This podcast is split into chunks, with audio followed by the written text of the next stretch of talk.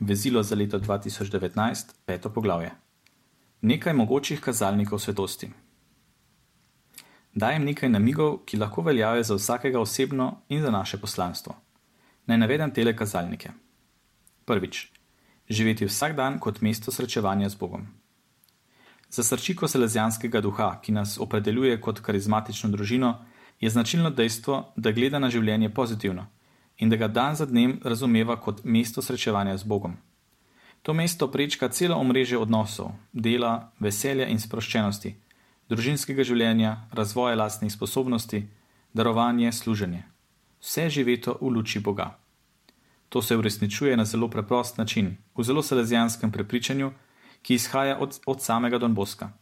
Če hočeš biti svet, naredi dobro to, kar moraš narediti. To je predlog svetosti vsakodnevnega življenja.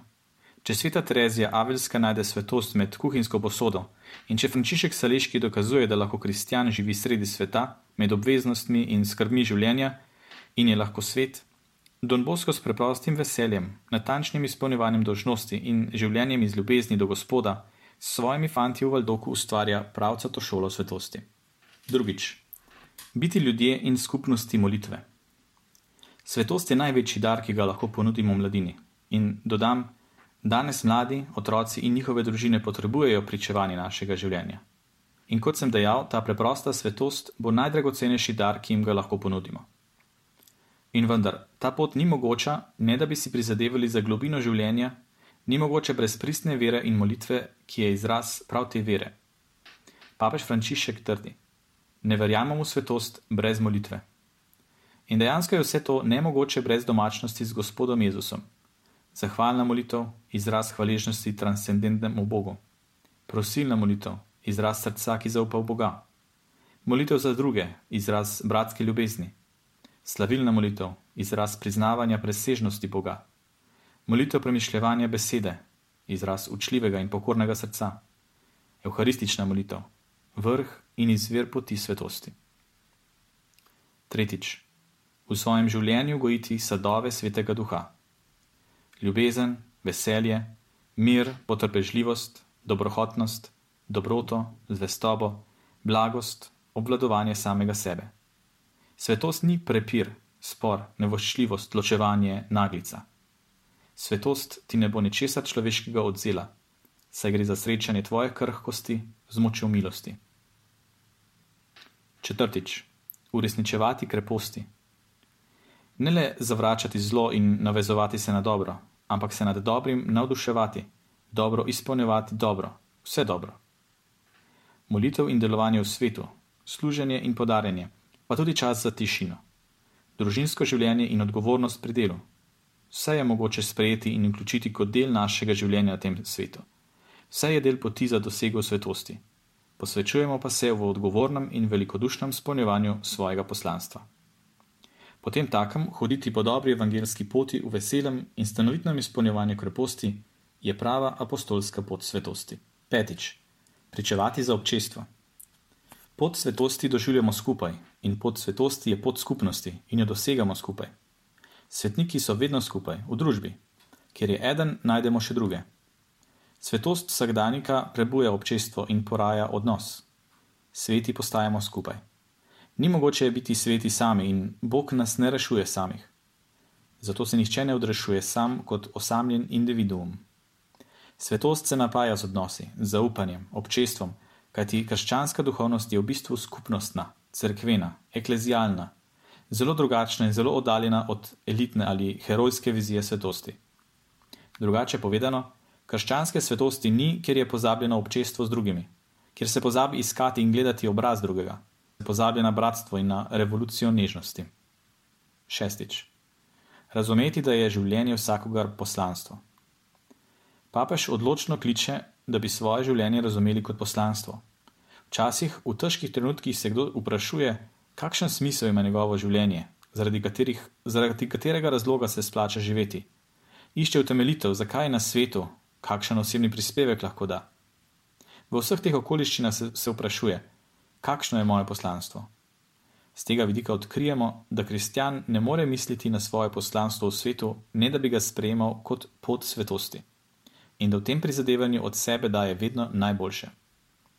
Nekatere selezijanske hiše, kot Valdoko, Morneze, Valsaliče, Nica, Jureja, San Giovannino, že od začetka izpričujejo svetost kot izkušnjo, ki je deljena, ki cveti v prijateljstvu, v predanosti in služenju. Danes rečemo življenje kot poklic in poslanstvo. Sedmič. Iskati preprostost, ki ni lahkotnost, blagro. V oznanilu blagro nam Jezus predstavlja pravo pot svetosti. Blagri so kot kristjanova osebna izkaznica. V blagrih nam je predložen način življenja, v katerem se uresničujejo procesi, ki tečejo od uboštva srca, kar pomeni tudi strogost življenja, do odzivanja z blago ponižnostjo, in to v svetu, kjer z lahkoto pride do prepira in zaradi česar koli. Od poguma, da se damo prebosti z bolečino drugega in imeti do njega sočutje, do iskanja pravičnosti s pravo lakoto in žejo, medtem ko si drugi razdeljujejo torto življenja, pridobljeno z nepravičnostjo, korupcijo in zlorabo oblasti. Blagri vodijo kristjana, da gleda in deluje z usmiljenjem, kar pomeni pomagati drugim in tudi odpuščati. Spodbujajo ga, da ohranja srce čisto in svobodno od vsega, kar pa ska ljubezen do Boga in bližnjega. Jezusov predlog nas spodbuja, da sejemo mir in pravičnost in da med ljudmi gradimo mostove. Prosi nas, da sprejmemo tudi nerazumevanje, dvoličnost v odnosu do samega sebe in končno vsa preganjanja, tudi najbolj sleparska, ki danes obstajajo. Osmič. Rasti v malih dejanjih. To je še en preprost kazalnik, praktičen in dostopen vsem. Bog nas vabi k svetosti po malih dejanjih, po preprostih stvarih, po teh, ki jih nedvomno lahko odkrivamo v drugih in v nas samih uresničujemo v vsakdanjem življenju. Opogumljeni tudi z dejstvom, da pot svetosti ni niti ena sama, niti enaka za vse. Po poti svetosti hodimo v lastnih okoliščinah, kot moški in ženske. V tem smislu je ženska nežnost, uglajenost malih detajlov in dejanj čudovit zgled za vse. Zato papež Frančišek pravi: Med različnimi oblikami želim posebej omeniti, da se tudi ženski geni kaže v ženskih oblikah svetosti, ki so nepogrešljive za premislek o božji svetosti. In omeniti moram tudi številne neznane ali pozabljene ženske, ki so vsaka na svoj način podpirale in prenavljale družine in občestva z močjo svojega pričevanja. Devetič. Vse, razen da se odpovemo letenju, saj smo bili ustvarjeni za vrhove. Toliko majhnih korakov je, ki nam lahko pomagajo na poti svetosti, preproste svetosti, anonimno, ki pa lepo oblikuje naše življenje. Kot sem dejal, vse lahko pomaga. Vse, razen da bi se odpovedali letenju, ko pa smo rojeni za vrhove.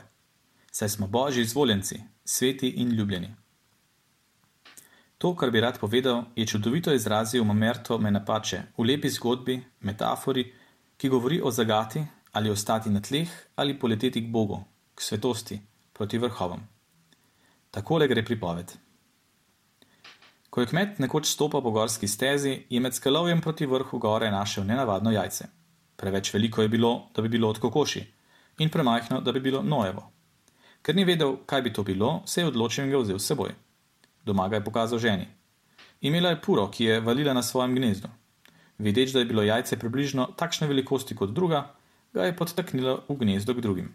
Piščančki so polagoma zdrobili lupino, enako tudi malček iz jajca, najdenega na gori.